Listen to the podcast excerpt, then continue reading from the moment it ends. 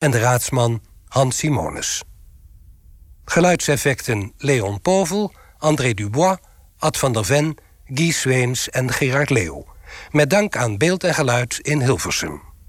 Opname en montage Guy Zweens. Adviezen Leon Povel. Productie en regie Winfried Povel. NPO Radio 1. VPRO. Meer slapen.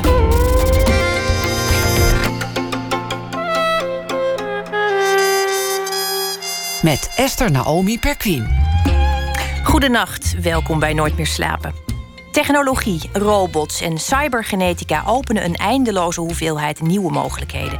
Dat fascineert choreograaf Nanine Linning. Ze toont dat in haar dansvoorstelling Silver. Een actuele voorstelling over de digitalisering van de wereld. Na half twee brengen wij een bezoek aan de laatste repetitie. En ook zoeken we dan contact met onze nachtpredikant F. Starik. Maar nu, tot een uur of half twee, ga ik in gesprek met architect Florian Idenburg. In november opende het Manetti Schramm Museum in Californië. Het eerste museum in de VS dat door een Nederlands architectenbureau is ontworpen. Solid Objectives Edinburgh Lew, of kortweg SOIL, zoals dat bureau heet, won de opdracht al in 2013. Onder meer door met een reusachtige baldakijn te komen, die een bijzonder effect heeft op de omgeving. Een aanzuigende werking, zou je zelfs kunnen zeggen. Hoe krijg je zoiets voor elkaar? Hoe zorg je ervoor dat mensen überhaupt een band aangaan met hun omgeving? Het zijn vragen waar Florian Idenburg zich dagelijks mee bezighoudt. Samen met zijn vrouw Ying Liu startte hij Soil in New York. Notabene in 2008. Inroeiend tegen de recessie. Maar met succes. Ze hebben opdrachtgevers van over de hele wereld... en worden in hun werk beïnvloed door zeer uiteenlopende culturen en werkwijzen.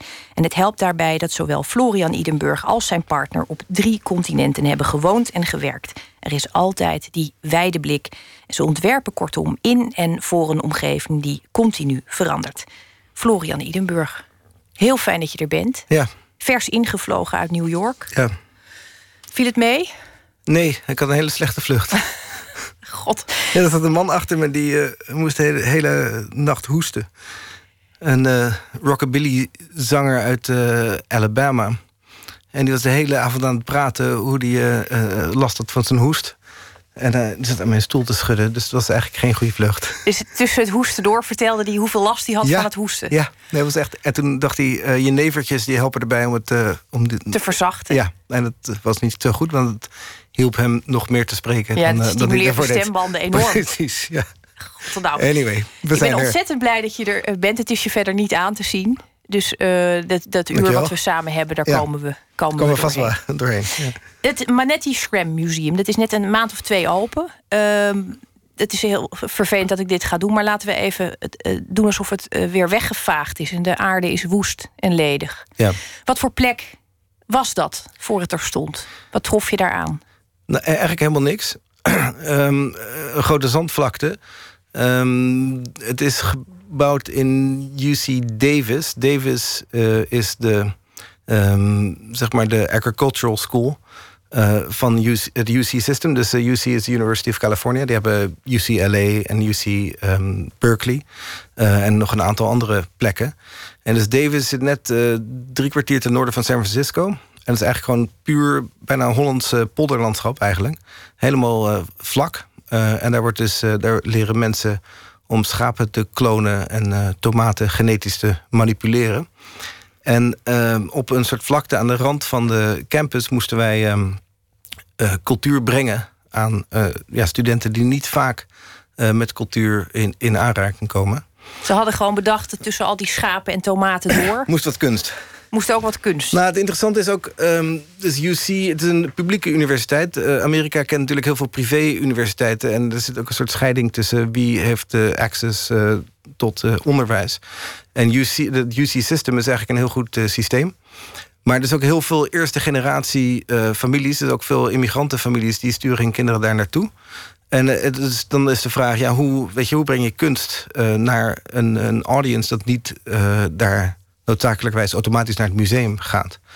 Um, en ja, we hadden ook nog het probleem dat aan de rand van de campus lag. Dus niet helemaal het, in het hart, waar alle studenten zitten.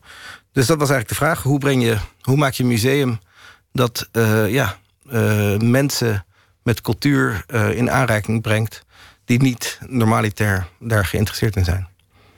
En dat, dat is altijd eh, belangrijk om te weten hoe, hoe werkt zo'n procedure. Want ik neem aan dat er dan meerdere partijen geïnteresseerd zijn in die opdracht. Het is niet zo dat je gewoon zoals een, zoals een, zoals een aannemer kan. Die brengt een bot uit en die, er wordt in een envelop gestopt. En het, daar gaat heel veel werk in zitten. Om zo er gaat heel veel werk in zitten. Hoe begin je dan? Wat is, wat is het beginpunt geweest? Nou, in dit geval, ik, uh, um, ik had een Google Alert. Uh, ik heb een Google Alert eh, over museum expansion. Uh, dus ik wist dat ze ergens daar een idee hadden met het bouwen van een museum. Maar het was dus het UC System, dat is publiek geld. Maar er zat ook geld bij van, uh, van, van privé mensen. Dus de Manetti Shrem. Uh, want ja, in Amerika wordt veel cultuur betaald door... Uh, particulieren. Particulieren. Zij, zitten, uh, ze hebben een grote wijngaarde in Napa Valley. Dat zit daar vlak in de buurt. Um, en zij hebben hun eigen wijngaarden laten bouwen... door een hele... Ja, een architect, laat ik zeggen, van een andere stijl dus ik dacht, dat wordt niks. Die gaan, uh, dat is postmodernistische architect, uh, Michael Graves, die is uh, recentelijk overleden. Dus ik dacht, weet je, ik weet dat ze gaan bouwen, maar dat, wordt, dat worden wij niet. Um, dus ik wist dat het gebeurde, maar ik wist, ik wist ook dat wij geen kans zouden hebben op dat project. En toen um, was ik, ik zat ergens inderdaad op een vliegveld, dat gebeurt vaak. en toen ging de telefoon door de directrice, die vrij jong is, en die zei: Jullie doen wel mee, toch? en ik zei: Nee, volgens mij gaan we niet meedoen, want we hebben geen kans. Um, maar ze zei, ja, probeer maar. Um, maar het moeilijke in dit geval was dat we niet alleen uh, als architecten mee moesten doen... maar eigenlijk ook als uh, team met een bouwer. Want omdat Californië niet zoveel geld had op dat moment... Californië was uh, failliet als staat... konden het museum en dus de universiteit en dus de staat... omdat het publieke universiteit is geen risico lopen. Dus die zeiden, we hebben alleen maar 25 miljoen totaal geef ons het beste museum dat je kan. En dat betekende dus dat we daarmee mee moesten doen met een aannemer. Dus we zijn samen met een aannemer hebben we daarvoor gepitcht. Gegarandeerd dat het gebouw niet meer dan 25 miljoen zou kosten. Zo'n zo'n pitch, hoe ziet dat er in de praktijk uit? Even voor de leken onder ons. Nou ja, je, je, dus eerst vragen ze zich 15 uh, eh, bureaus. Uh, en dan moet je eh, iets opschrijven op papier en zeggen wie je bent en wat je zou willen doen. Uh, toen zijn er geloof ik zeven van uitgenodigd van die twaalf. Uh, of 15 om, om te komen presenteren. Gewoon een verhaal vertellen. Wie ben je? Wie zijn jullie? Gaan een uur praten. Een uur? Ja, ja, net als hier. Ja, heel moeilijk. um, maar, um, en daarna worden er drie gevraagd om echt een ontwerp te maken. En omdat het heel. Um, omdat hier ze ook moesten, omdat we dus garandeerden dat dit het gebouw was, moesten we dat heel erg ver ontwerpen. Echt tot op het niveau van waar zitten de stopcontacten, bij wijze van spreken. Um, en, daar, en toen hebben ze dus ons gekozen uit die drie teams. Dus het was niet alleen wij, maar ook uh, een lokale architect die uh, de Californische regelgeving uh, wist. Dus er zijn veel um, earthquakes en iedere, ieder gebied heeft zijn eigen regelgeving. Dus wel een lokale architect. En die bouwer. Uh, en dus met elkaar hebben we toen uh, um, ja, hebben we een ontwerp gemaakt. Maquettes, filmpjes, boeken, alles. En toen was die laatste presentatie is drie uur. de jury is ook gekomen daarvoor een aantal keer naar New York... en naar andere projecten die we hebben gedaan. Dus het is vrij, vrij serieus. Ja, en intens, want je werkt daar dus heel erg lang aan. Dat doen die andere twee ook. Mm. Met het risico, als je het niet wordt, is alles... Ja, sterker nog, als we deze niet hadden gewonnen... hadden we waarschijnlijk geen bureau gehad nu. We hadden onze hele jaaromzet van het jaar daarvoor... hebben we geïnvesteerd in deze pitch. Ja, was all or nothing. Is dit gebruikelijk, dit soort... Ja, denk het. We hebben net ook weer e- eentje gedaan... waar we ook uh, ja, alles op rood, zeg maar. Ja. ja. En is die gelukt? Nee, dat is in China, in Shanghai. Maar het, uh, het was een... Um, 100.000 vierkante meter museum in het hartje van Shanghai. Maar ja, daar kunnen we het misschien straks over hebben. Ja, gaan we het later over hebben. Um, goed, jullie, jullie werden het. Was die baldakijn er toen al uh, was, dat, was, dat, was dat er eerst? Want ik heb, ik heb daar foto's van gezien. Het is lastig uit te leggen. Ja, baldakijn is een raar woord voor, wat mij betreft. Maar groot dak misschien. Of een, grote groot. pergola. We, we, we, dachten... We hebben dus de Grand Canopy genoemd. Uh, kijk, in Amerika moet je omdat er dus ook uh, privé uh, opdrachtgeverschap bij zit... is het heel belangrijk dat zij ook zelf daar heel erg enthousiast over worden en dat kunnen communiceren naar een groter publiek. Ik dacht in het zuiden hebben ze de Grand Canyon, dus in het noorden doen we de Grand Canopy. Um, en het is dus gewoon eigenlijk een heel groot dak. Uh, maar een dak, ja, of een pergola, bij wijze van spreken, die. Kijk, het landschap. Dus voor die studenten die heel veel met, uh, met landbouw bezig zijn, is het klimaat heel belangrijk. En um, zeker Noordern California heeft hele felle zon. En er was heel erg droogte ook op dat moment. Dus we dachten op een, op een of andere manier moeten we die omgeving deel laten maken van de ervaring van dat museum.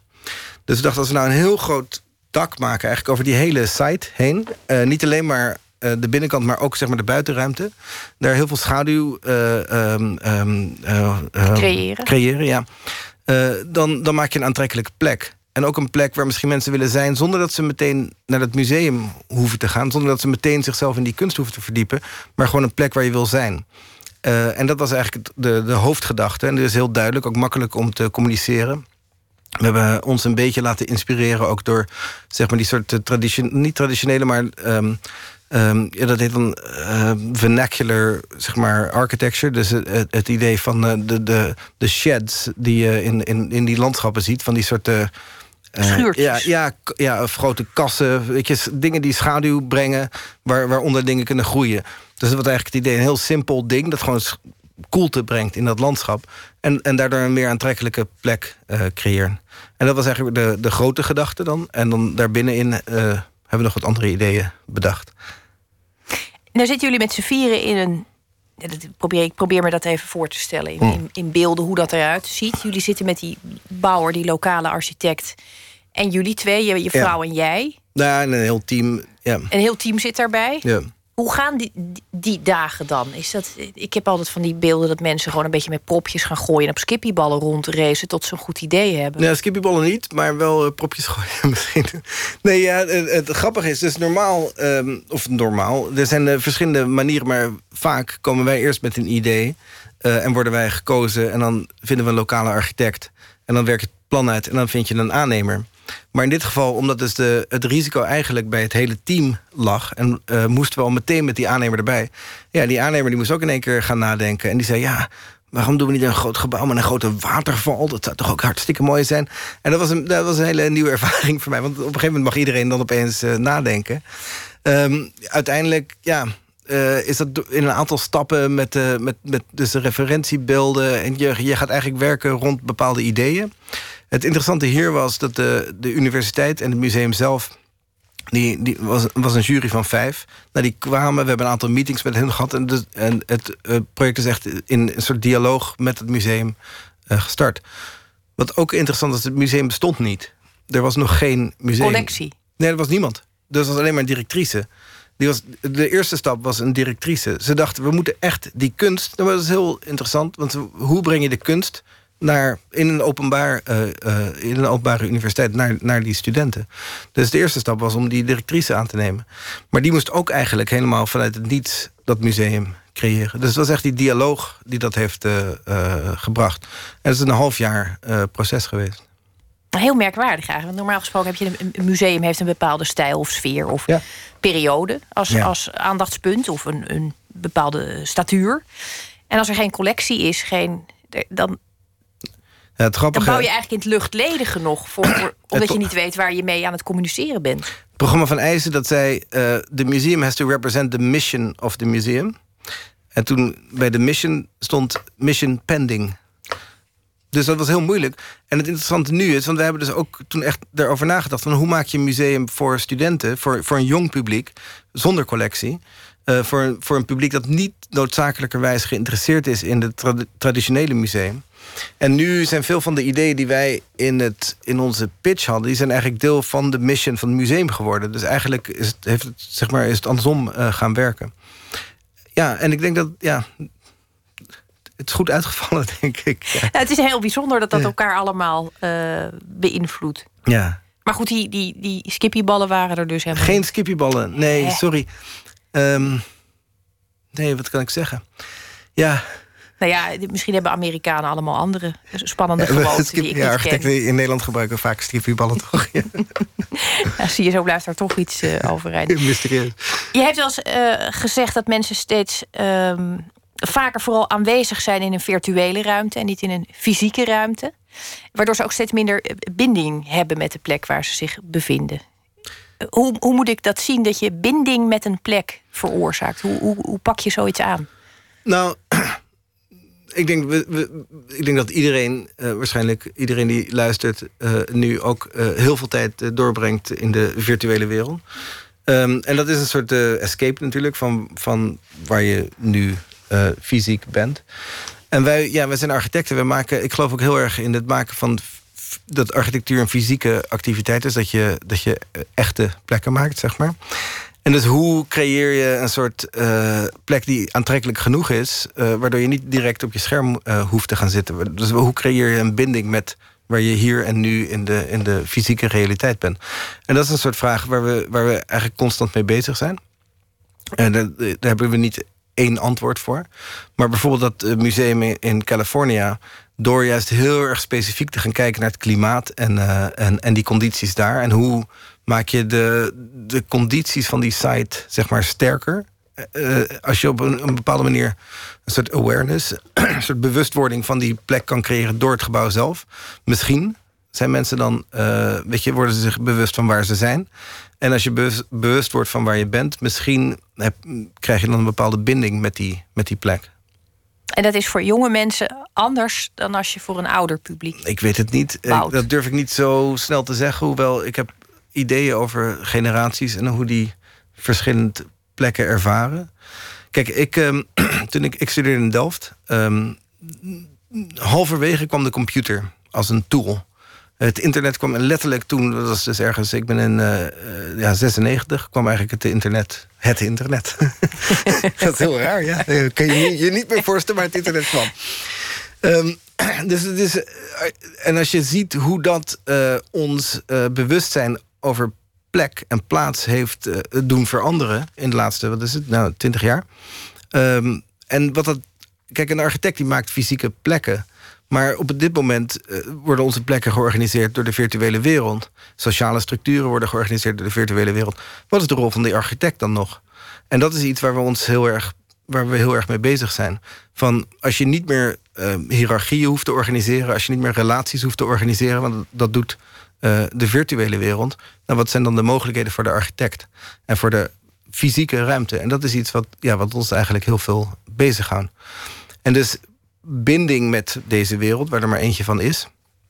Als, als, als de, archite- de architectuur dat kan doen, dat is iets wat, we, ja, wat ons bezighoudt.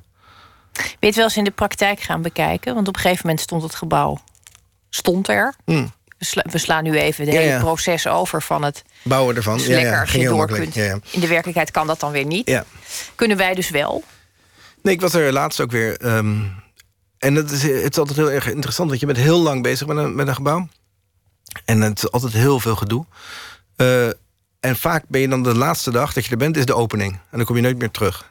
Dus je, je ziet het eigenlijk nooit hoe het werkt. Maar ze hadden mij gelukkig teruggevraagd voor een klein eh, praatje. Ehm, en dan niet eens in het museum, gewoon in, in, eh, ergens ehm, in, de, in het auditorium. En, en het museum was gewoon, werkte gewoon.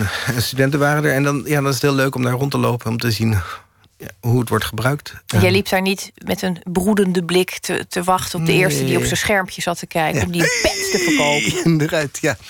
Nee, Heb je niet gedaan. nee. Nee, ja. Ik, we zijn daar ook... Kijk.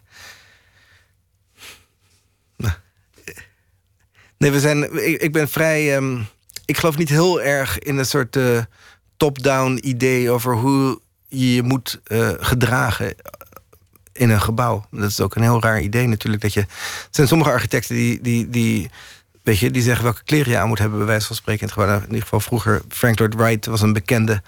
die altijd... eh, zijn klanten die moesten zich altijd verkleden voordat hij kwam.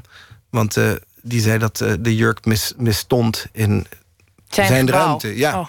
maar ze, ja, we, zijn, we zijn er iets relaxter in. Nou, ik moet wel zeggen, ik heb me heel vaak eh, verwonderd over eh, maquettes bijvoorbeeld. Of, of van die borden die dan ergens staan. Hier wordt een nieuwe bibliotheek gebouwd. Ja. En dan zie je zo'n afbeelding van een bibliotheek, gebouw Ja. prachtig. Ja. En daar lopen dan uitsluitend hele slanke, goed geklede, Ja, lachende mensen, voorbij. Ja, ja. En er ligt ook nooit papier op de grond. Nee. Er staan altijd hele mooie aan- aangeplante boompjes die altijd ook heel rijk bloeien. Ja, net als in de reclame. Ik denk altijd, god, het, ja. Nou ja, dat zo'n soort wereld wordt er dan even voorgeschoteld. Ja. Kan dat nou niet iets anders? Het zou heel leuk zijn om een keer een realistisch bord... dat je een paar hangjongeren, Ja. iemand die met een blikje bier... Ja. op een bankje in elkaar is gezakt... doet het af aan, de, aan, het, aan het gebouw. Doet het af aan het ontwerp als het, als het niet volmaakt. Nou, ik denk dat dat, dat dat niet zozeer de keuze van de architect is. Dat zijn eh, vooral de mensen die. Dat zijn reclame-invloeden. Dat denk ik wel. Dat denk ja. ik eigenlijk ook. Ja. Ehm, maar ik kan me toch voorstellen dat je, dat je, je als je daar eenmaal rondloopt... en er zijn bijvoorbeeld nou, hele lelijke brandblussers Er zijn een paar hele lelijke dingen zijn er gebeurd. Aha. Ja. En, en dit had ook te maken met het feit dat inderdaad dus het budget was 25 miljoen. En op een gegeven moment was het geld op. Eh, maar ook bijvoorbeeld heeft het te maken met het feit dat eh, de University of California... die kopen bijvoorbeeld hun eh, toilet partitions... dus die schermpjes die tussen de wc's zitten... Zitten daar schermpjes tussen? Nou ja, zeg maar die, eh, hoe heet dat ook alweer in, in het Nederlands... maar tussen de urinoirs heb je van die eh, Oh ja. dingen. Van die eh anti-gluurschermpjes. Precies. Nou, die worden dus per bulk ingekocht door de hele staat van Californië. Dus dat is niet dat wij kunnen bedenken van, nou, dat gaan we heel mooi doen. Nee, de keuze was, wil je de beige of wil je de grijze? Ik ben daar niet blij mee. Nee. Nee. Wat Maar- had je zelf gewild eigenlijk? Als je nou Nee, toch zo'n gekozen. scherm... Ja, ja, precies. Ja, maar om dat soort details Ja, gaat het natuurlijk gaat het wel, nou ja, ik denk het wel. De wc's zijn altijd heel belangrijk, hè? Want eh, dat is toch een soort plek waar je heel direct met het gebouw eh, in aanraking komt. Daar hadden we niet zoveel zeggenschap over, want dat was allemaal ehm, ja, binnen dat UC-system. Dat is interessant dus. Kijk, wij werken heel veel voor eh, privé eh, opdrachtgevers. En er is niet zoveel publiek opdrachtgeverschap in, eh, in de VS. Ehm, en ja, de University of California is niet, hebben niet noodzakelijkerwijs heel veel geld. Het is echt een soort sociale, openbare universiteit. En dat betekent dus dat je vastzit aan bepaalde dingen waarvan je zegt, ja, oké, dat is dus part of the deal. En dan kun je gewoon hele mooie eh, marmeren, marmer spat, spatschermen ontwerpen. Maar dat is gewoon, dat kan niet. Nee. Is het eh, gelukt eigenlijk, de missie... om die studenten dat museum in te krijgen? Ehm, ik denk het wel. Ik bedoel, dat, eh, het zal nog even duren. We gingen in november open. We, het, was heel, het is heel enthousiast ontvangen door de universiteit. Ehm, ook door, door de pers of door de, de Wall Street Journal en andere eh, ehm, publicaties. Hebben dat eh, als een van de beste gebouwen van vorig jaar in de VS eh, genoemd. Dus is goed ontvangen, denk ik, zowel lokaal als in een soort landelijk eh, ehm, publiek. Ja, wat is het succes van een gebouw? Dat, dat zal nog wel even duren, denk ik. Maar ik, ja, het is wel echt een plek geworden. Dus het is wel echt. Het zat dus aan de rand van die universiteit. Het is echt een plek geworden dat nu opeens een plek is. Terwijl het een veldje was eh, eh, een paar jaar geleden. Wat hebben ze er aan de muur gehangen? Nou, dat is grappig. Als we het over spatschermpjes hebben. Ehm, nee, ja, je weet natuurlijk eh, het urinoir van ehm, eh, Duchamp. Dus de essentie, of zeg maar, Davis was, zit ten noorden van San Francisco. En hun, hun ehm, core ehm, eh, artistieke eh, groep waren een soort hippies die uiteindelijk uit San Francisco zijn weggetrokken naar Davis. En dat was een soort anti-establishment eh, art. Eén man, Robert Arneson, was daar eh, in de jaren zestig een, eh, een eh, kunstprofessor. die, Florian, we gaan het hier straks Oké, verder jij over moet het nieuws doen. Ik moet het nieuws niet 12 doen, maar er wc's. komt wel even Ja. nieuws. En we gaan daarna eh, verder praten. Oké. We gaan eh, daarna ook eh, verslag doen van Silver, de gedanste toekomstvisie van choreograaf Nanine Linning. En F. Starek stuurt ons natuurlijk de nacht in met een verhaal bij het nieuws van de voorbije dag. Dat strakjes en meer na het nieuws van 1 uur.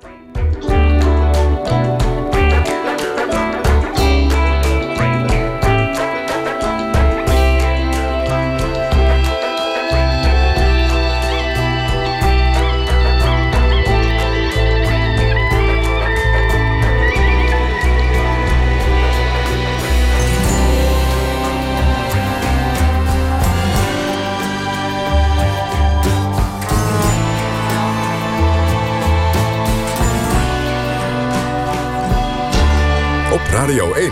Het nieuws van alle kanten.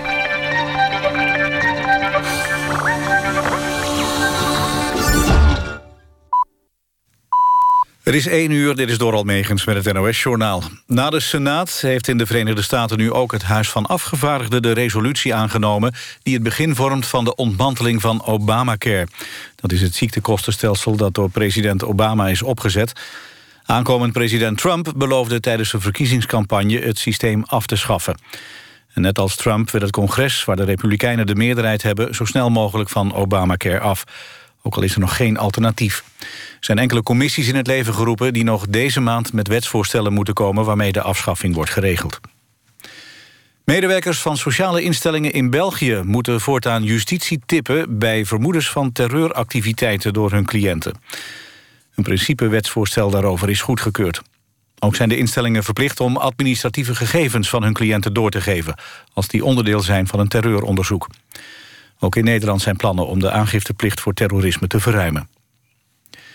Het Brabants Dagblad heeft kaarten in bezit uh, van uh, met daarop de route... die koning Willem-Alexander en koningin Maxima gaan lopen... op Koningsdag in Tilburg. Ook anderen hebben die routekaarten volgens de krant in bezit. Het is te vroeg, uh, te vroeg bekend worden van die looproute... kan de veiligheid van de betrokkenen en het publiek in gevaar brengen. De gemeente Tilburg zei tegen de krant dat de route niet definitief is. Brabants Dagblad publiceert de kaartjes niet... om de beveiliging niet in gevaar te brengen. In Amerika is een vrouw terecht die 18 jaar geleden werd ontvoerd. Ze was toen een baby. Die werd uit een ziekenhuis in Florida meegenomen... door een vrouw die zich voordeed als een verpleegster. Het ontvoerde kind heeft altijd gedacht dat de ontvoerder haar moeder was. Het meisje werd kort geleden ontdekt in South Carolina. De vrouw die zich voordeed als haar moeder is opgepakt. Het weer aan de kust zware windstoten tot 100 km per uur. Vannacht neemt de wind af bij temperaturen rond het vriespunt. In het weekend blijft het wisselvallig met winterse buien. De maxima liggen rond de 4 graden. Dit was het NOS Journaal. NPO Radio 1. VPRO. Nooit meer slapen.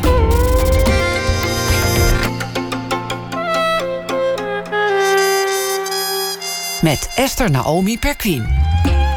Welkom terug bij Nooit meer slapen. Tegenover mij zit nog steeds Florian Idenburg. Een architect die de hele wereld overreist... en gelukkig voor ons nu even in het land is... na een afschuwelijke vlucht met een, met een hoestende zanger.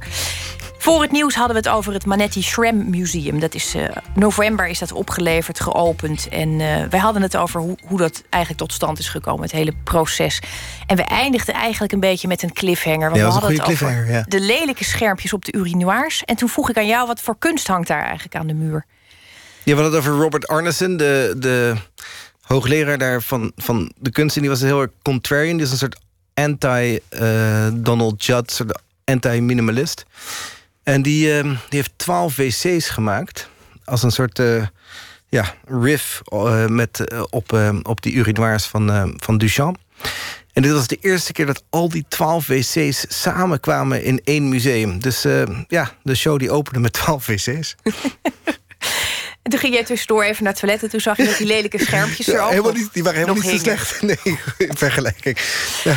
Nou, het is ontzettend leuk voor die studenten, denk ik... om dit allemaal uh, gratis op te zuigen. Al Ja. die cultuur en kunst. Ja, Ehm, we gaan even nog verder terug in de tijd. Het museum staat nu weer ferm overeind. Gelukkig, de aarde is niet langer woest en ledig. Eh, maar de tijd dat jij jong was... je bent geboren in Heemstede... ik ben nog steeds heel erg jong. Je bent nog steeds heel erg, dat moet ik wel inderdaad even bij. Je bent nog steeds heel erg jong.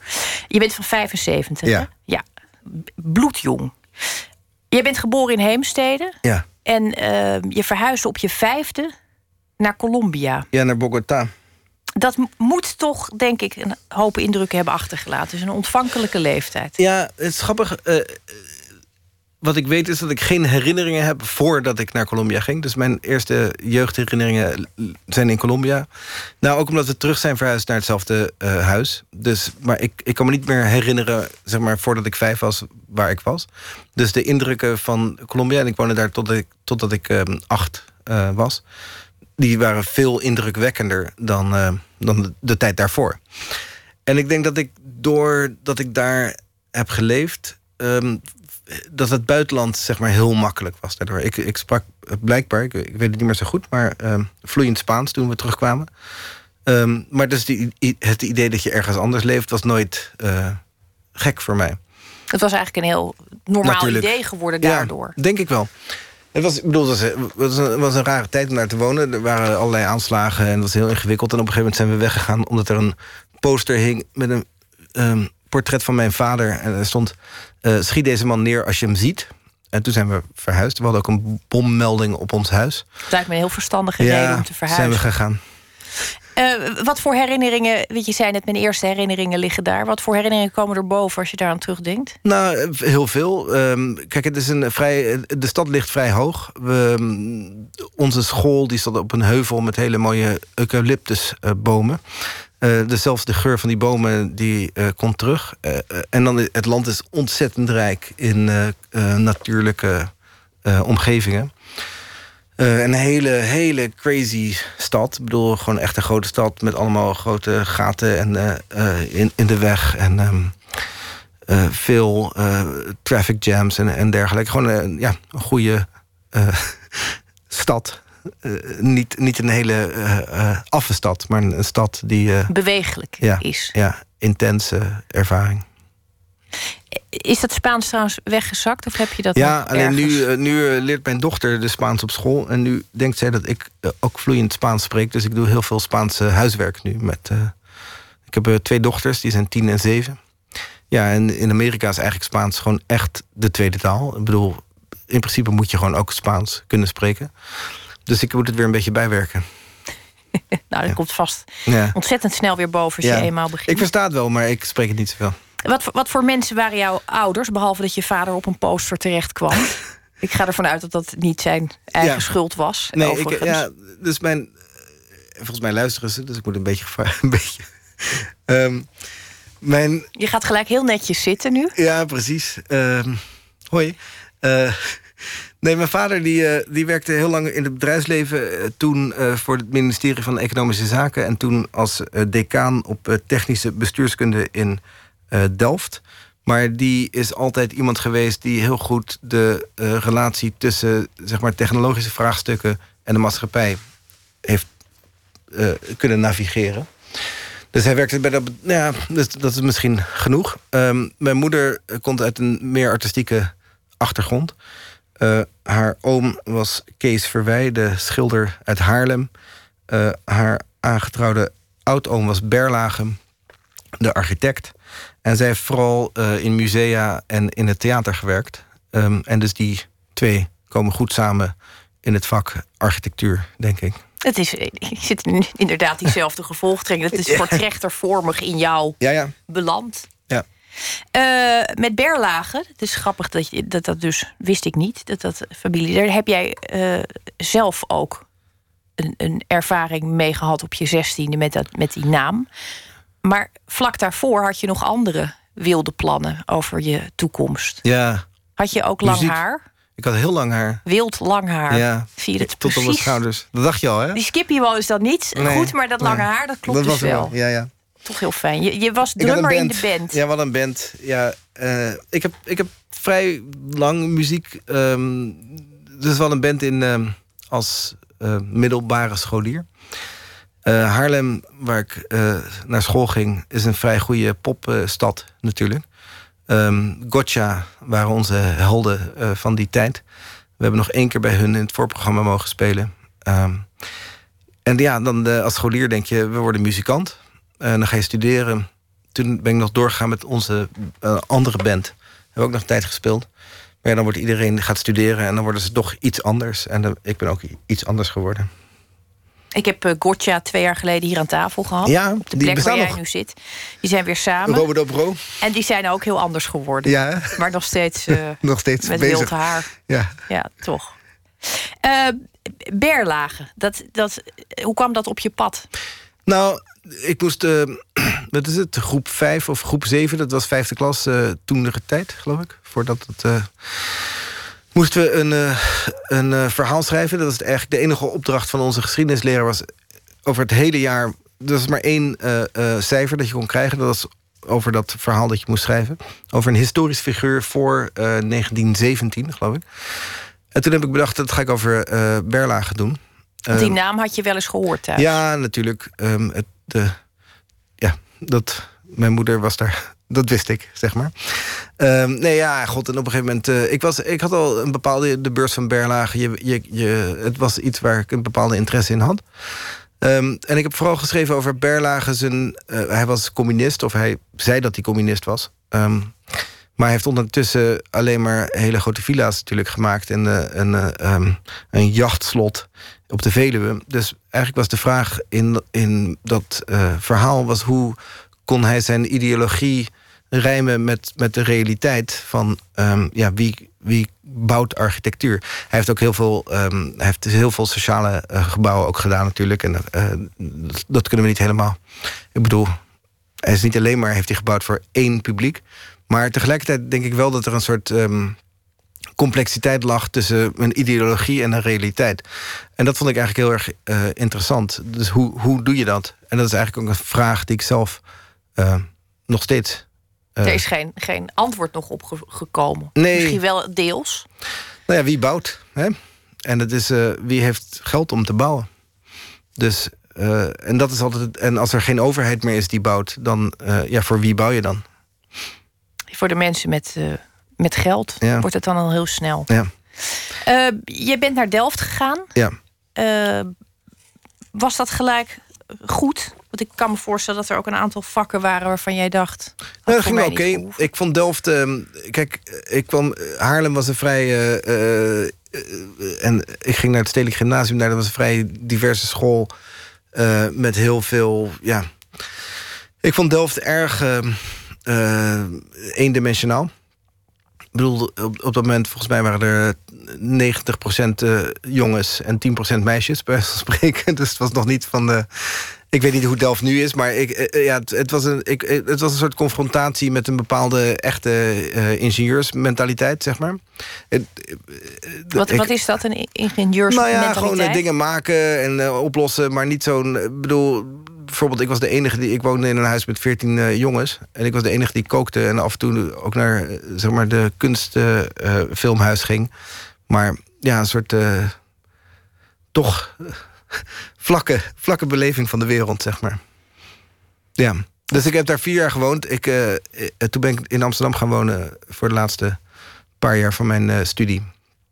Wat er daarna gebeurde, daar gaan we het straks over hebben. We hadden het net even over Gotcha. Die eh, kan ik helaas niet voor je draaien. Nee. We gaan wel eh, naar andere muziek luisteren. Dit voorjaar verschijnt er namelijk een nieuw album van de Utrechtse muzikant Kim Jansen. En hij krijgt daarbij hulp van muzikanten die hun sporen hebben verdiend in bands als The National, Sigur Ross en Beach House. Niet de minste dus. En het introverte Bottle Rockets is een mooie voorbode van wat we van dat album mogen verwachten. Kim Jansen.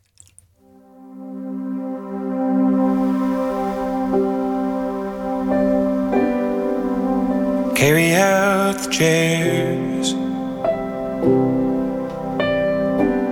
And Find the colored lights in the garden shed. There are boxes on the stairs. Full of rockets and dragon eggs. Are you scared to sleep out on the grass by the pool? Where the spirits move in the water. That you'll wake up and it's already dark. And you're suddenly much older.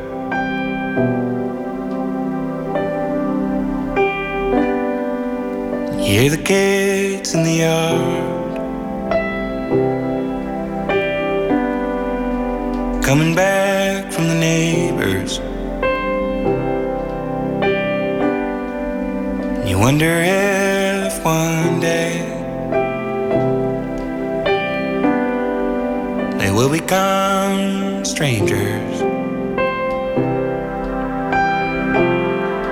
And the fires rise up from their little hands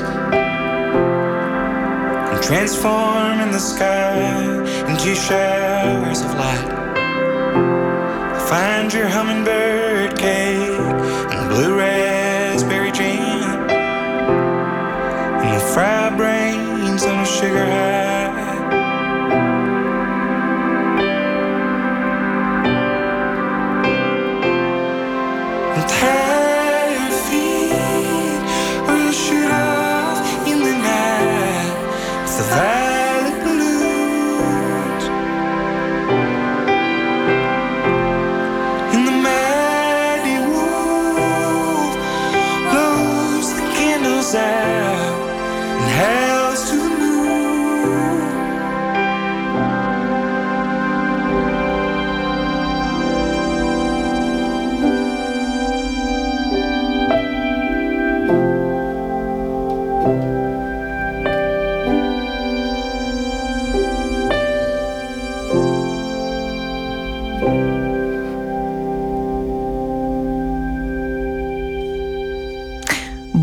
Rockets was dat. Morgen treedt Kim Jansen op in de Oosterpoort in Groningen tijdens het Noorderslag Festival. En tot de klok van half twee ongeveer praat ik met architect Florian Idenburg.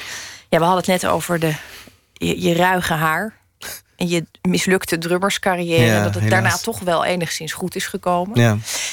Ehm, jij eh, had eigenlijk na je afstuderen zo'n beetje het eerste vliegtuig dat vertrok te pakken. Ik denk dat de, de, de inkt op je bul nog nat was. Ja. En je vloog alweer naar Japan. ja.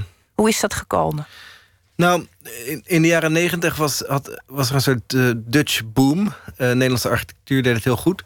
We zitten niet in Villa VPRO nu, maar dat was er één van. Ehm, waardoor een soort hele... eh, ja, dus Nederlandse architectuur was heel erg hip toen ik eh, student was.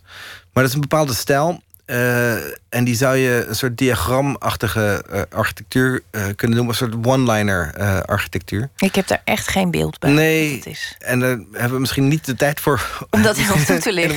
Maar in ieder geval, ik dacht, er is meer. Dus ik dacht, eh, ehm, ik weet hoe dat werkt. Ehm, maar ik dacht, volgens mij is dit niet alles. Ehm, en Sejima is een vrouwelijke architecte... die heeft in Delft kwam die een verhaal eh, houden. En ik dacht, daar zit eigenlijk iets eh, wat ik niet begrijp. En laat ik daar naartoe gaan om dat te leren. En toen ben ik eh, ja, vrij snel, eigenlijk inderdaad op vrijdag afgestudeerd. Op zaterdag was mijn afstudeerfeestje. Op maandag ben ik Japans gaan leren in Leiden. En eh, ja, vlak daarna zat ik in Tokio. Dat heb je, ook, je hebt ook nog even Japans geleerd. Nou, dat was een soort eh, eh, beurs van het ministerie van Onderwijs. Dus dan leer je vier maanden Japans en dan ga je acht maanden daar werken. Dat is een, een beurs voor getalenteerden. Ja, die bestaat tegenwoordig niet meer. Ehm, We hebben ook geen getalenteerde mensen Nee. meer. Die gaan allemaal naar Tokio. Precies. Heel vervelend. Nee, het was meer van. Vroeger was er nog een, soort Japans geheim. Eh, ik denk dat wij een van de laatste. Nou, dat heette Japan Prize Winners Program, heette dan. En dat was dus om, om voor eh, jonge Nederlanders eh, uit te vinden. wat is dat Japanse geheim? Eh, ja, dat heb ik wel uitgevonden. Het enige wat ik niet heb uitgevonden is om, om nee te zeggen. Want toen ze mij aan het eind van die, dat jaar vroegen om te blijven, wist ik niet hoe ik nee moest zeggen. Dus toen ben ik inderdaad er nog acht jaar gebleven. Hoe was je, eh, je, je eerste ervaring daar? Want het is een, even los van de architectonische instelling die heel Ja. anders is, is de werkinstelling ook heel anders. Japanners staan erom bekend, die maken hele lange dagen. Ja, Eh, misschien ook wel hiërarchischer dan we in Nederland kennen. ja. Hoe, hoe, hoe heb je dat ervaren? Nou, mijn eerste dag moest ik om tien uur op kantoor zijn. op maandag. En ik kwam binnen in een soort oude loods. Op een trap. En het was heel erg donker. Ehm, en ik kwam binnen en was helemaal niemand. En er hing een soort rook. En er was geen enkel raam. En er was niemand. En maandag was het om tien uur. En ik dacht een beetje raar natuurlijk. Dus toen ben ik gaan zitten. Ik dacht, ben ik in het archief of ben ik in, weet je, in de opslag terechtgekomen? Maar ja, was toch, leek het alsof het een kantoor was. En toen eh, zat ik eh, tien minuten en toen ging de telefoon. En toen kwam er van onder een van de bureaus kwam er een hand. En die pakte die telefoon op. En die zei, eh, eh, ja, Goedemorgen. Hallo. Ja. En toen na, na die hand en eh, nadat die ophing, eh, kwam er iemand en die stofte zich af en die zei: Ja, hallo, ik eh, ben. eh, en dat was toen mijn supervisor. Ze hadden een hele grote deadline gehad, eh, diezelfde nacht eh, daarvoor. Dus, en toen bleken er nog twaalf mensen onder het bureau te slapen. en om een uur of elf eh, eh, werkte iedereen weer. Maar dat was, ik was, eh, ja, dat was een, dat was een goed, goed begin. Een soort Waking of the Dead zie Ja, ik nu voor. nee, met echt, allemaal mensen ja. die achter hun bureau vandaan. Letterlijk. Ja.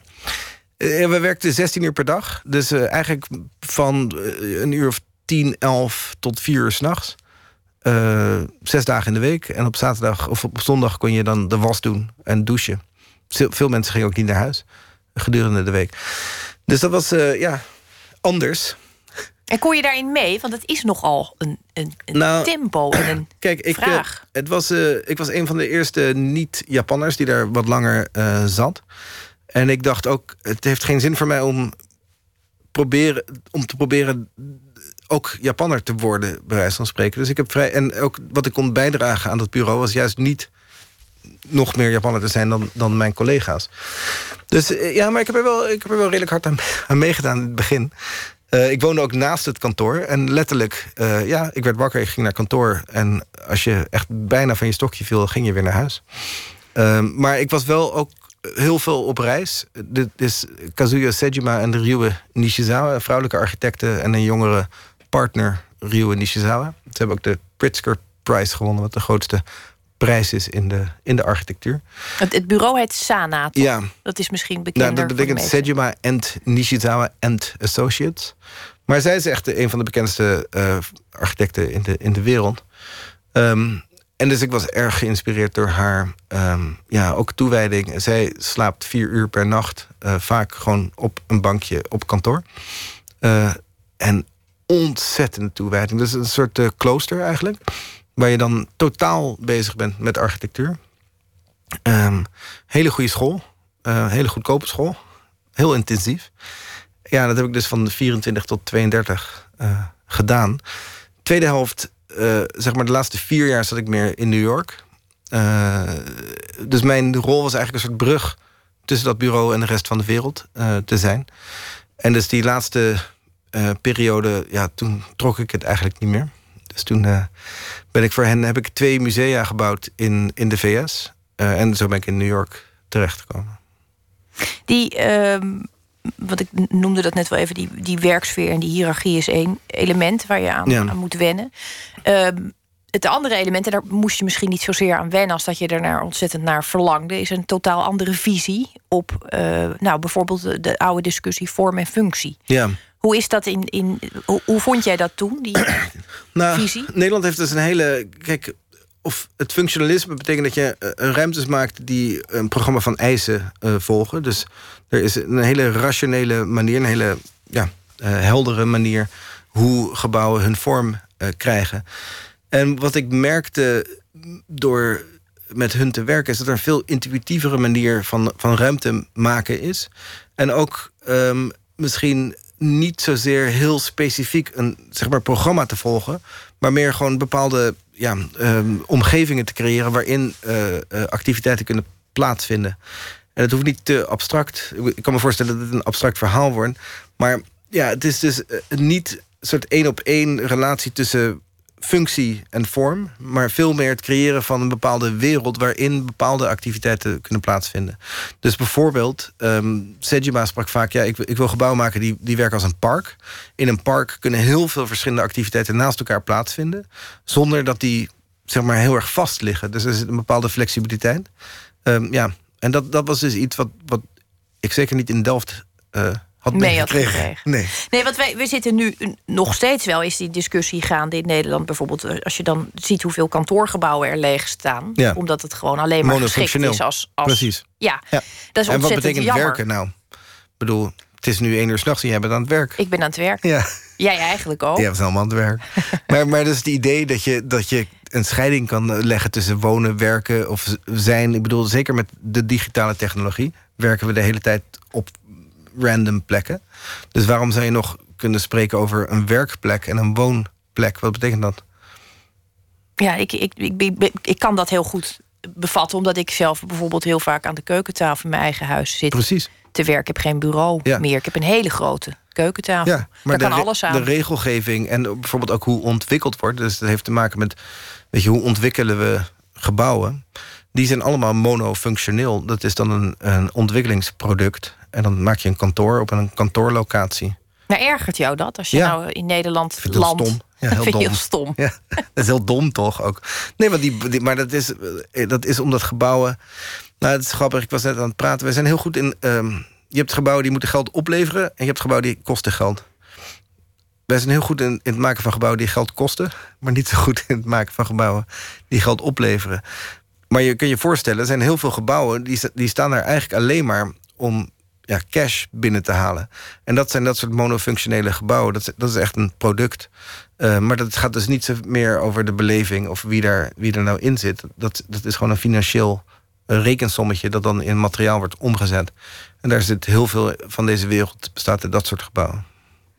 Toen jij daar net aankwam en je wordt geconfronteerd met, die, met die andere visie. Nou, ik kan me voorstellen dat het in goede aarde viel bij jou. Maar tegelijkertijd was je gewoon net klaar. Je was net, je was hartstikke jong, je was net afgestudeerd. Je komt daar in zo'n. Ja.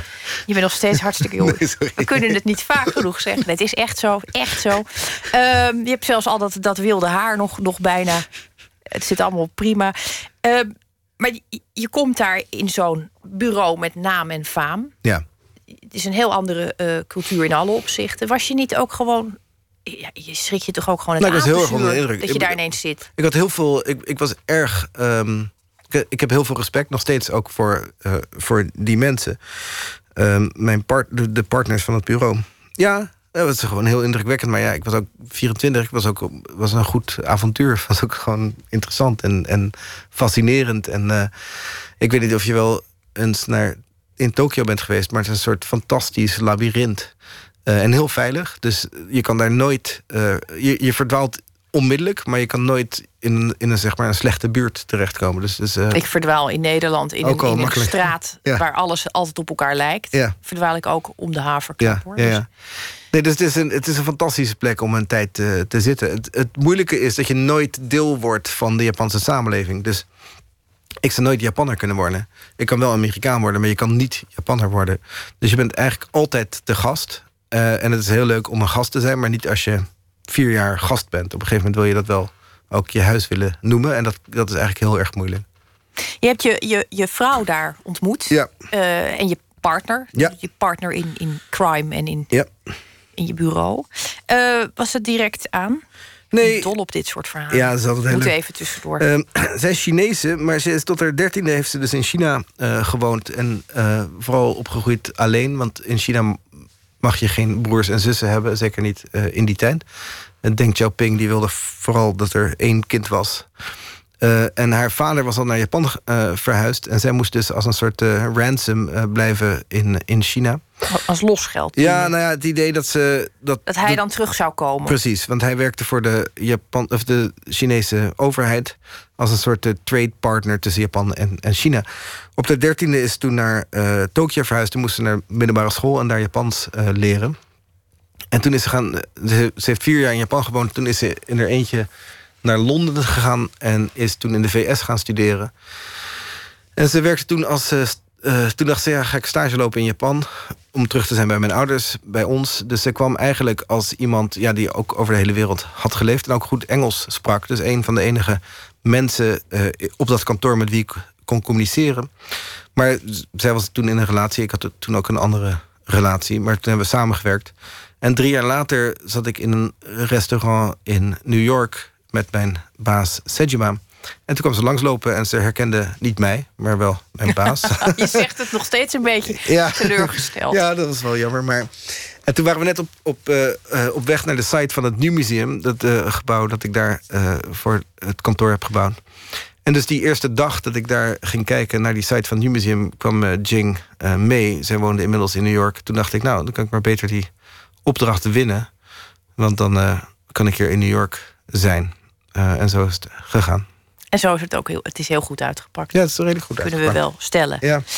Um, jullie begonnen gewoon wel op een heftig moment. Ik ja, dat handig. al even. Ja. Uh, 2008, ja. hart van de uh, aanstormende recessie. Daar zat je, uh, ik geloof dat Lehman Brothers viel een maand nadat jullie ja. openden. Ja. Ja.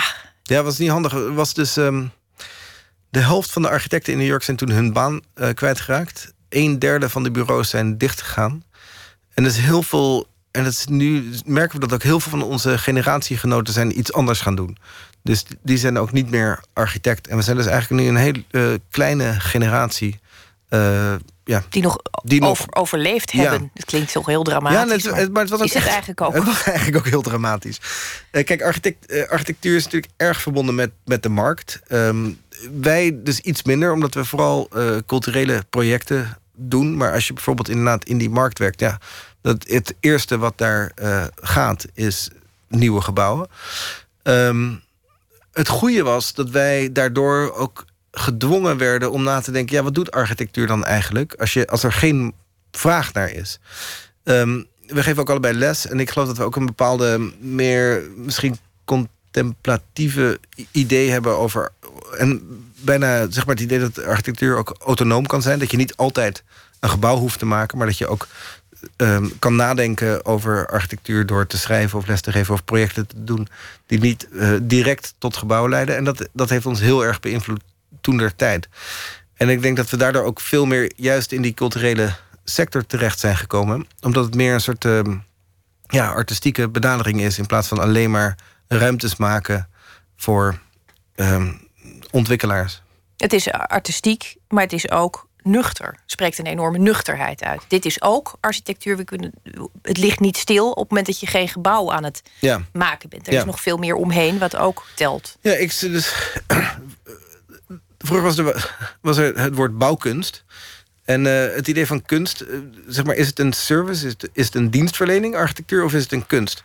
Uh, ik geloof dat het een kunst is. Um, in de markt gelooft dat het, dat het een dienst is. En ik denk dat wij, juist doordat er geen vraag was naar die dienst, op dat moment heel erg op die kunst hebben kunnen focussen. Hadden jullie van tevoren uh, besproken wat, wat voor uh, missie jullie hadden? Hadden jullie echt een, een heldere visie? Waar, waar gaan we naartoe? Waar, wat willen we? Hoe groot willen we worden? Of hoe? nou, dus Soil uh, staat voor Solid Objectives Edinburgh Liu. Dus Edinburgh beneken Liu is uh, Jing. Solid Objectives was eigenlijk het idee van... Um, um, uh, objectives gaat over ideeën of principes. En solid is dus het, dat ze ook tastbaar zijn en gebouwd worden. Dus zeker in Amerika, toen we naar Amerika komen... in, in Amerika is er een groot gat misschien tussen de architectuur... en het maken van gebouwen. De academie is heel erg sterk. En je kan dus in Amerika heel succesvol architect zijn... zonder ooit een gebouw te maken. Dat zijn dan paper architects. Um, in Nederland kan dat niet, maar in Amerika kan dat heel goed. Je kan goed verdienen bij de universiteit... door heel veel over architectuur te praten bijvoorbeeld. En, en ja, gebouwen te maken die nooit worden gebouwd. Dus wij wilden in ons bureau wel aangeven... architectuur moet fysiek zijn, moet gebouwd worden. Je moet het kunnen ervaren. Je, je kan niet alleen maar, zeg maar paper tigers uh, maken, bij wijze van spreken. Je moet, je moet ja, het, is, het, is een, gaat over het, het maken van een tastbare realiteit. Dus dat, dat, dat was al vrij snel, uh, zat dat in onze agenda. Dat is een beetje een slecht idee natuurlijk om in 2008 uh, daarmee te beginnen. Want niemand wilde toen gebouwen. Maar ja, dat was dus wel heel duidelijk dat we erg um, geïnteresseerd zijn in het realiseren van die projecten. Niet alleen maar uh, um, ja, fantastische ficties te creëren. Nou, wat dat opgeleverd heeft, dat, dat hebben we gelukkig kunnen zien en kunnen bespreken. Ik vond het ontzettend fijn dat je er was, Florian Idenburg. En uh, nou ja, laten we uh, hopen dat het uh, tot nog heel veel mooie dingen leidt. Ja.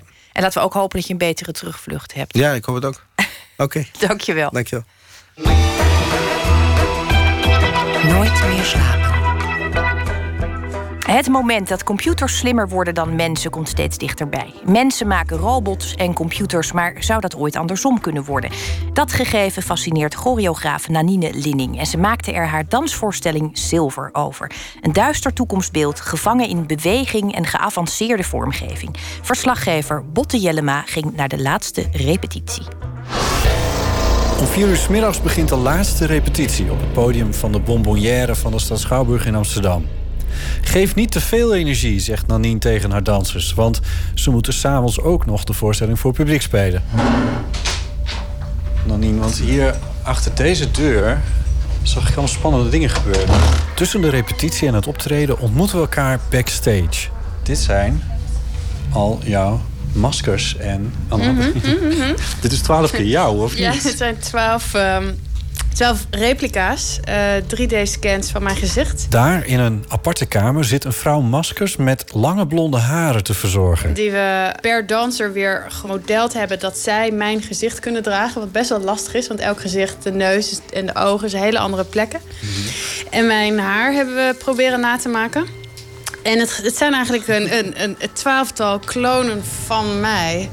Om een heel uh, ja, onindividueel gevoel te geven. Dat, dat uh, weet je, als je artificial intelligence, als je mensen kan gaan maken. Ga je dan ook individuen maken of ga je dan gewoon copy-paste? Ja, weet je? En dus ik heb daarmee gespeeld en ik heb twaalf keer uh, mezelf proberen na te maken. En dat moet bij, voor iedere voorstelling moet het nieuw gevlecht worden, want dat is wat er nu gebeurt. Ja, ja ze, is nu die haren, eigenlijk zoals je normaal haar ook behandelt, moet je dat elke keer wassen en weer in model brengen. Ja. Um, omdat het met zo'n voorstelling met anderhalf uur dans natuurlijk één groot chaos wordt. Dus ja. daar wordt nu weer. Uh, de maskers die krijgen nu een soort uh, kapper treatment om, om weer uh, mooi eruit te zien. Ja. In de eerste scène krijgen de dansers één voor één zo'n Nanine-masker op. Daarna zie je eigenlijk niet meer of de danser een man of een vrouw is en het gezicht is uitdrukkingsloos.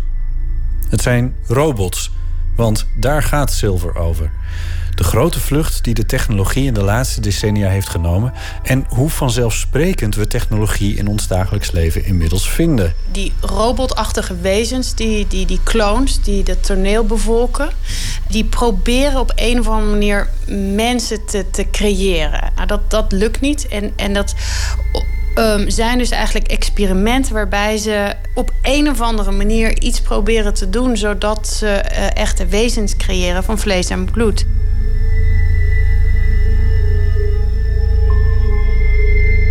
In een van de scènes ligt een danser vrijwel naakt op een schuine tafel. Ze zit onder een slijmerige substantie en is omgeven door robotdansers. Het deed mij een beetje denken aan een scène uit de film The Matrix uit 1999, waarin de hoofdpersoon naakt en zwak ontwaakt in een met vloeistof gevulde huls als onderdeel van een gigantische machine. Lock, I got him. Now tank, now.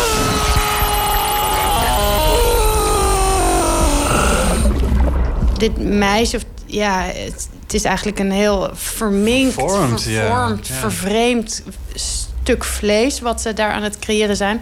Zij, zij wordt geboren uit het slijm, dus zij heeft geen ouders. Ze, ze, wordt eigenlijk in een, in een laboratorium ontwikkeld. En zij, zij laten ze haar eigenlijk zeg maar, vrij rond uh, struinen. Tot ze ergens anders weer tegen een lamp loopt en weer eigenlijk ja, weggegooid wordt of, of, meegenomen wordt omdat het experiment niet helemaal geslaagd is en ze, ze ja, er niet meer te doet en dus weg kan. Maken mensen machines of andersom? Weet je, we zijn zo aan het digitaliseren als samenleving, wat natuurlijk heel veel nieuwe mogelijkheden heeft. En het heeft ook heel veel zwarte kanten die we eigenlijk nu nog niet zo realiseren. Maar als je echt, en ik heb dat voor deze voorstelling gedaan, heel veel wetenschappelijk onderzoek leest en met heel veel laboratoriums wereldwijd praat, dan is dat zo ver advanced dat ethisch wij helemaal geen idee hebben wat daar eigenlijk gebeurt. En we hebben daar geen regelgeving voor, we hebben daar geen uh, dialoog voor uh, in de samenleving. Dus als je het nou even heel groot maakt, en dat is natuurlijk mijn rol als kunstenaar, om het ook een beetje te overdrijven. Maar eigenlijk, als je erover nadenkt, dat als ik mezelf twaalf keer kan klonen, ben ik dan uiteindelijk nog verantwoordelijk voor die twaalf clones die dan ergens iets in de wereld aan het doen zijn? Uh, krijgen zij een identiteit? Krijgen zij een paspoort? Zijn zij, moeten zij uh, verantwoordelijk afleggen aan iemand of aan iets?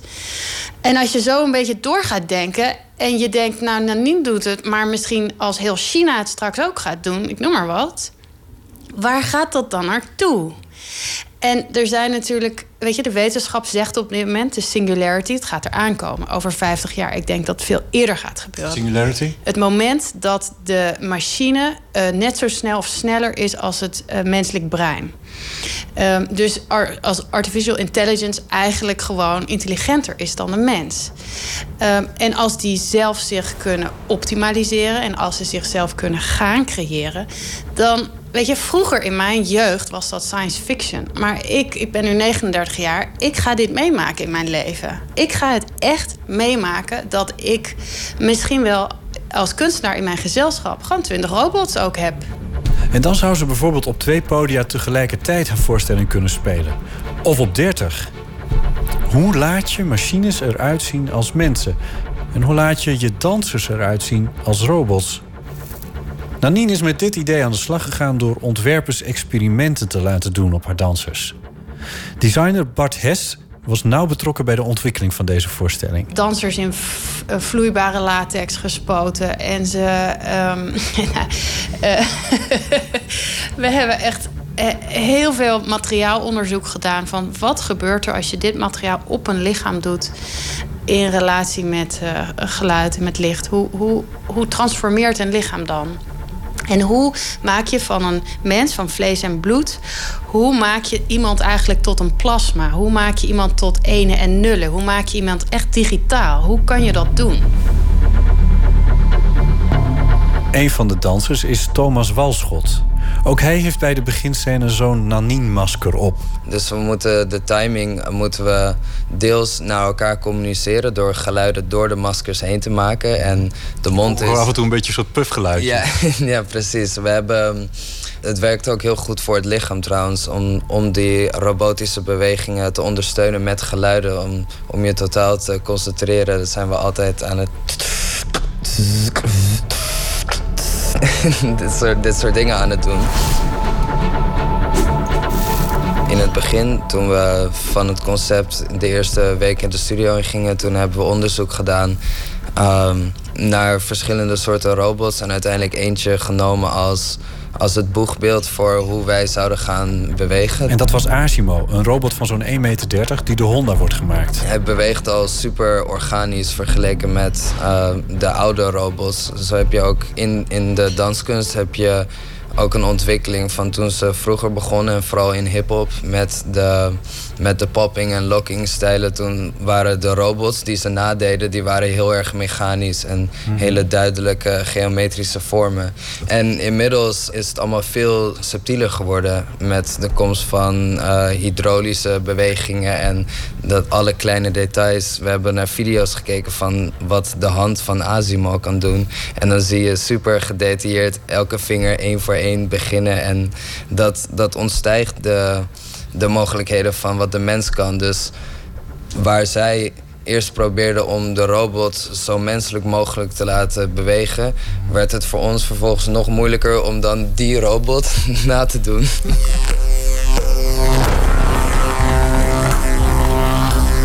Hoe dicht we ook bij technologische singulariteit zijn, Voorlopig worstelen we nog gewoon met de materialen om ons heen.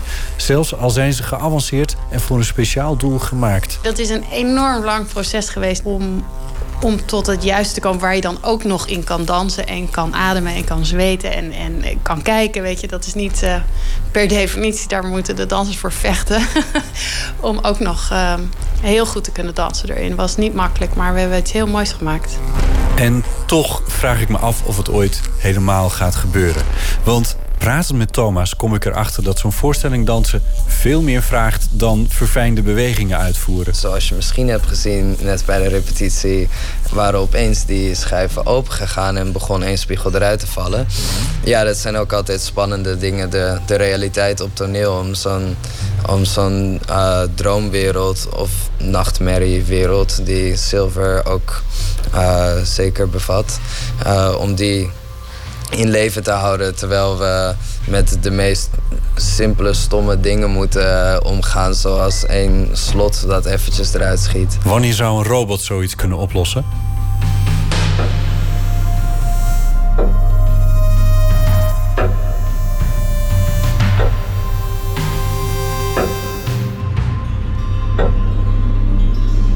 Nanine Linning over haar dansvoorstelling Silver. Zij en haar theatergezelschap Heidelberg spelen deze voorstelling komende week door heel Nederland. En ook in mei is die nog twee keer te zien in Nederland. Een bijdrage was dit van Botte Jellema.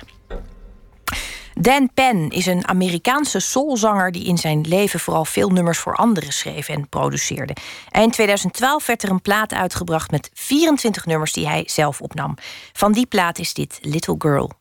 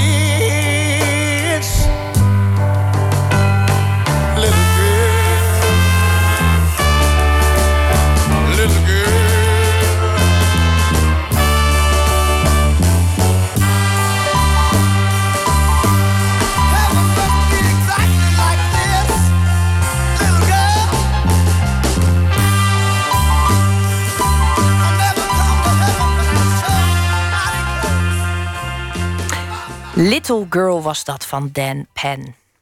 We gaan verder met 1 minuut. Een serie vol wonderlijke verhalen in 60 seconden. En de bijdrage van vanavond heet Borsten. Probeert u toch desondanks uw aandacht en concentratie er een beetje bij te houden, want een minuut is zo voorbij. Pst. Eén minuut. Onder de douche was pijnlijk, slapen was pijnlijk, eh, linksom, rechtsom zij pijnlijk, omhelzen pijnlijk. Nou, rennen in het park, eh, hel. Ik was op een gegeven moment, omdat het, het bleef maar doorzwellen, dat ik dacht, hoeveel huid eh, heb ik op mijn borsten dat, het, dat ze niet gaan knappen. Want op een gegeven moment was het echt, nou, weet je, opblaas van een ballon. Ja, wanneer, wanneer stopt dat?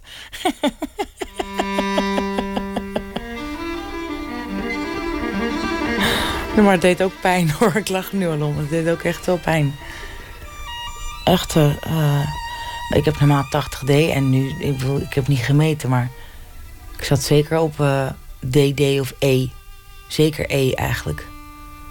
Omdat gewoon geen BH meer paste. En toen op een gegeven moment dacht ik, volgens mij is er toch echt iets mis. Toen ben ik naar mijn huisarts gegaan. Op een vrijdagochtend. Ik, ik was ontzettend gespannen, want ik dacht... dit kan wel eens de ochtend zijn dat ik hoor dat ik zwanger ben. Toen is mijn urine gecheckt en zwanger was ik niet. Maar in hetzelfde gesprek vroeg hij nog van... God, is er iets veranderd de laatste tijd? Eh, eh, ben je verliefd geworden? Toen zei ik, ja. Toen die nog die zitten. Toen sprongen met z'n tweeën heel blij op. Mijn dokter en ik van tafel. Hoera, we weten het, je bent verliefd. En toen eh, nam ik afscheid, gaf hij mijn hand. zei hij, ik hoop dat je er heel lang last van zal hebben.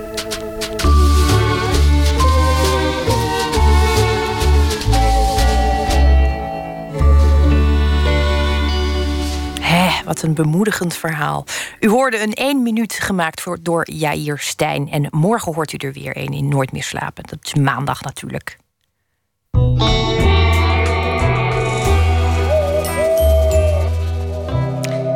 We eindigen deze aflevering met proza dat reageert op het nieuws van de voorbije dag. Vrijdag de 13e was het.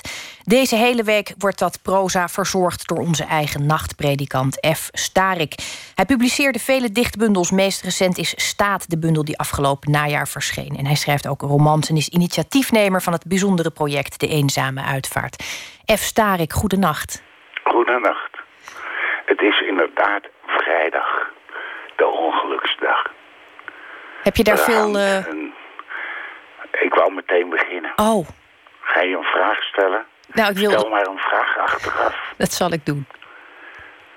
Er hangt een beklemmende stilte in het land. Over twee weken treedt dichter des vaderlands Anne Vechter terug en wordt er dus een opvolger benoemd.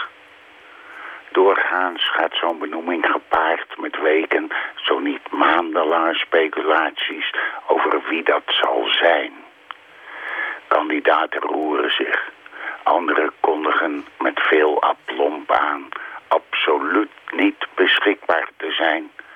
Beschouwers stellen lijsten op met kanshebbers. Kortom, er ontstaat een gekakel van je welste rondom de voornaamste functie die er in dichtersland te vergeven valt.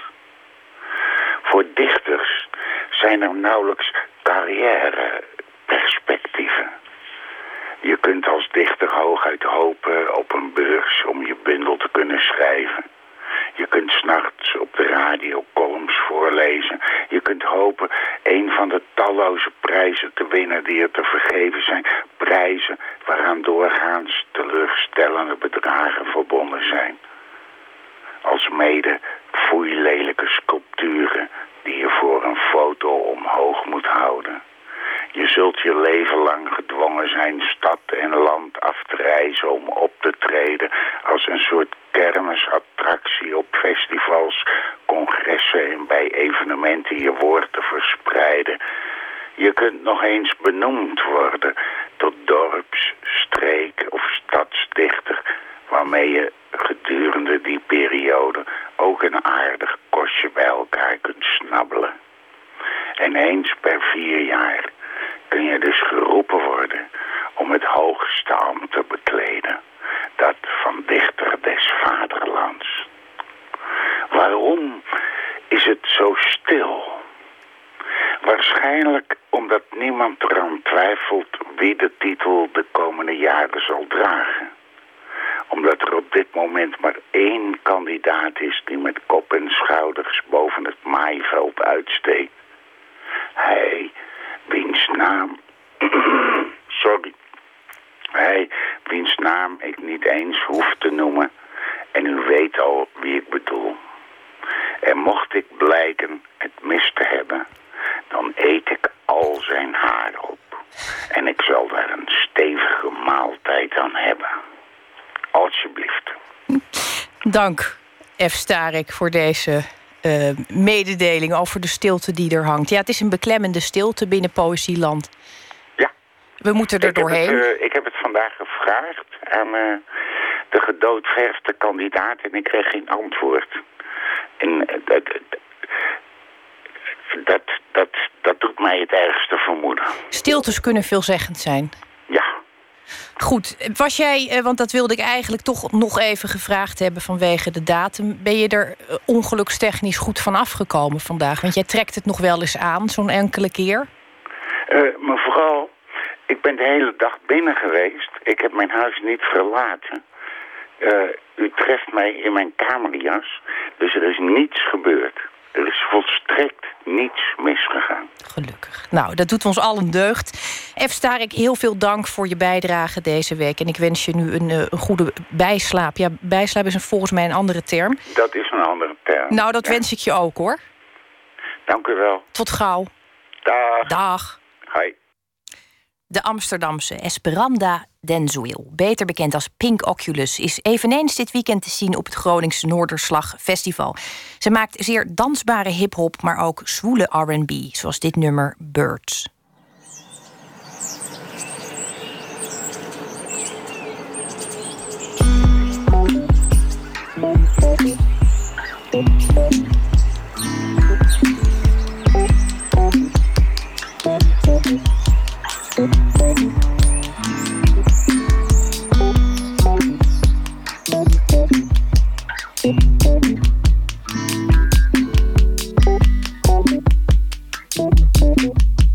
I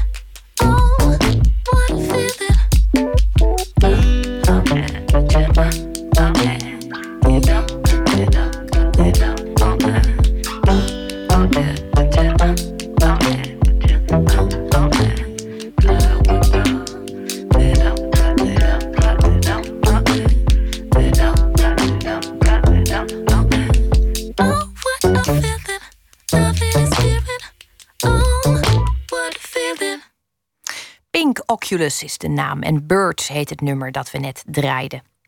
Ik vertel nog iets over maandag. Dan komt Huub van der Lubbe langs. de Zanger van de Dijk, ook actief als solozanger, dichter en acteur natuurlijk.